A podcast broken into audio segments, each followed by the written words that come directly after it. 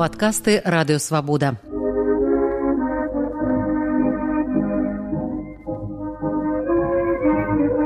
Сто гісторый пра БНР з Сергеем Шупам.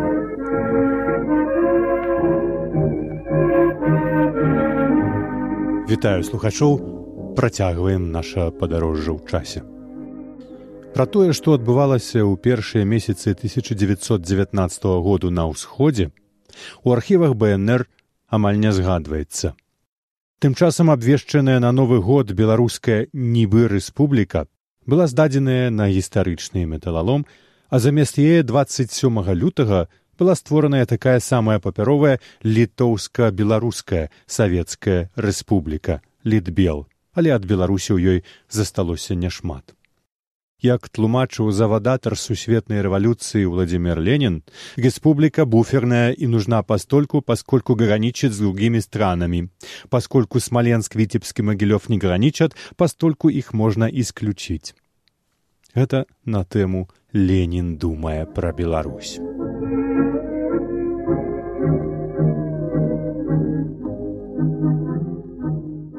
Але пра Беларусь думалі не толькі ў Маскве, але і ў варшаве.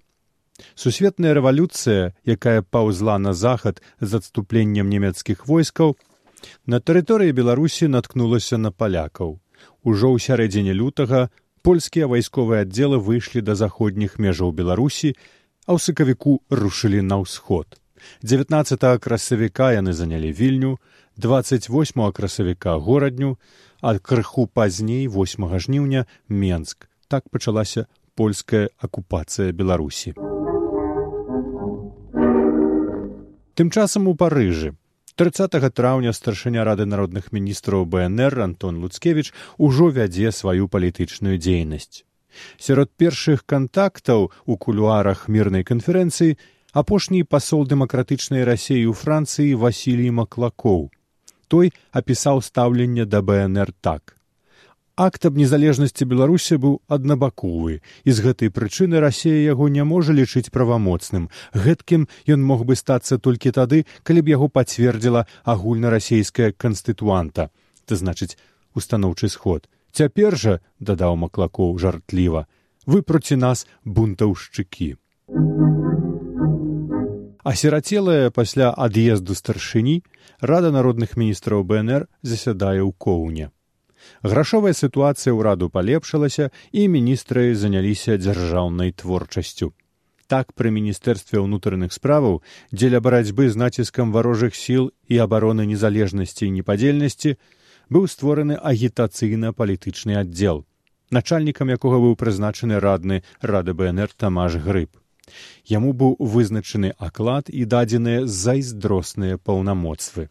Вось якія Тамаш грыб мае права прызначаць і звальняць урадавых палітычных павятовых і губернскіх камісараў, а таксама у надзвычайных моментах абвяшчаць ад імя беларускага ўраду рады народных міністраў вышэйшую дзяржаўную ўладу на мясцох і арганізацыю збройнай сілы дзеля падтрымання гэтае ўлады.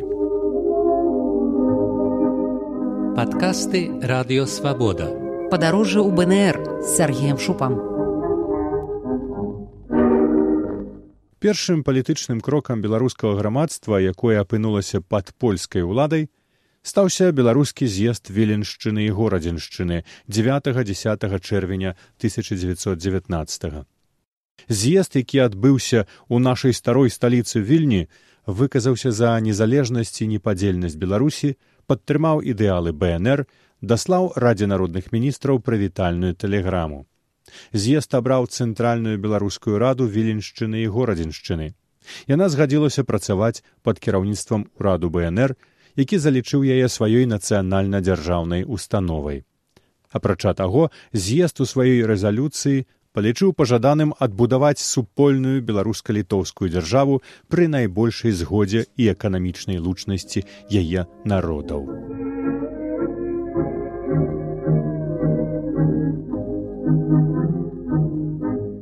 Аднак літоўцам, якім давялося адступіць з сваёй старой сталіцы вільні, ідэя аб нейкай адбудове супольнай беларуска-літоўскай дзяржавы нават не прыходзіла ў галаву.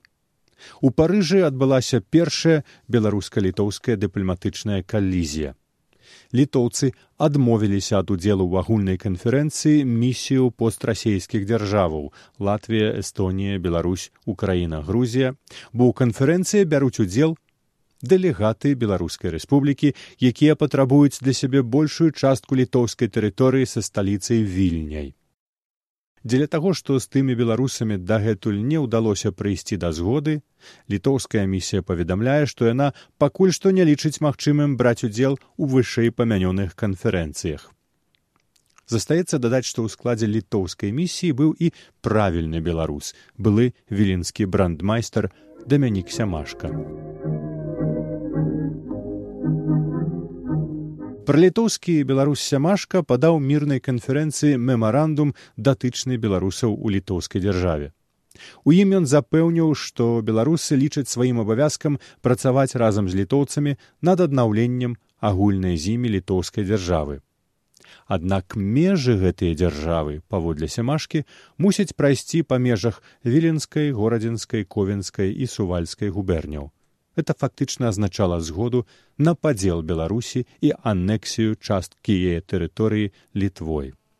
Мемарандум выклікаў вялікае незадавальненне і пратэсты беларускіх палітыкаў, якія спадзяваліся на супрацоўніцтва з літоўцамі ў справе пабудовы супольнай дзяржавы больш-менш у межах колішняга вялікага княства літоўскага. Сакратар рады БНР і паўнамоцны прадстаўнік для перамоваў з літвой Пётра Карчэўскі, увесь чэрвень 19 -го году правёў у перамовах з літоўскімі ўрадоўцамі і не здолеў дамовіцца абсалютна ні пра што.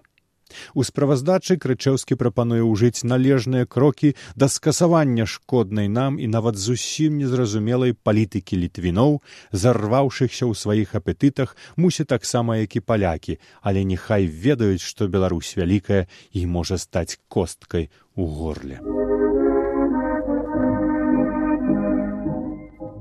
Падкасты радыёвабода. Падарожжа ў БНР з Сергеем Шупам.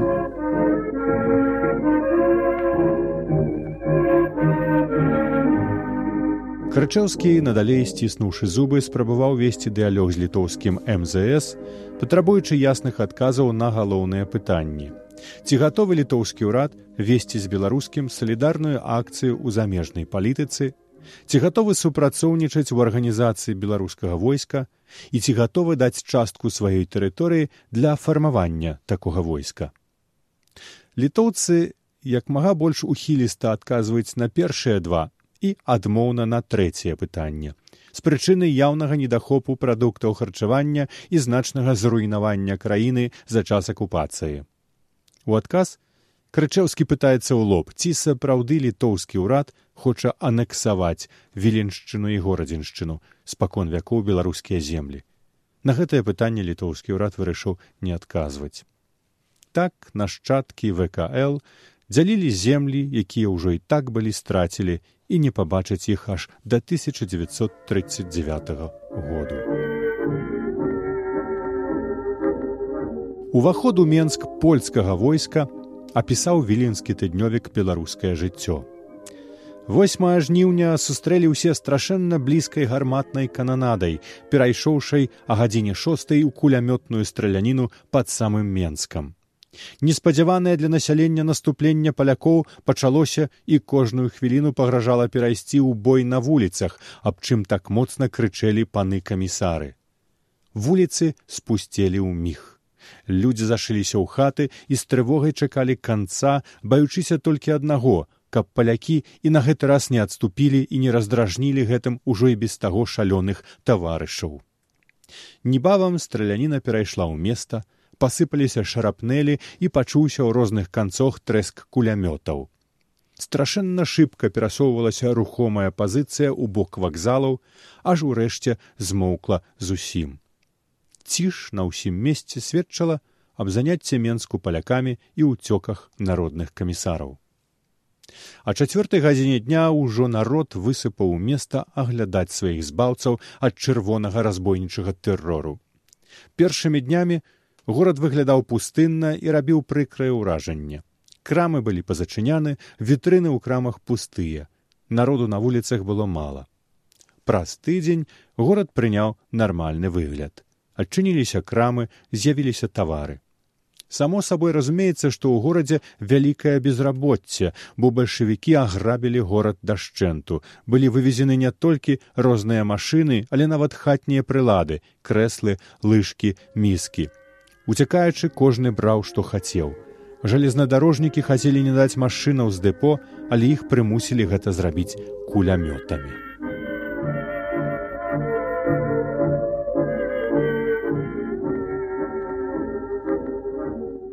Вы слухалі падкаст радыёвабода. Наступны выпуск праз тыдзень. Усе падкасты свабоды ў інтэрнэце на адрасе свабода кропка орг. Штодня у любы час у любым месцы, калі зручна вам. Свабода кропка орг. Ваша свабода.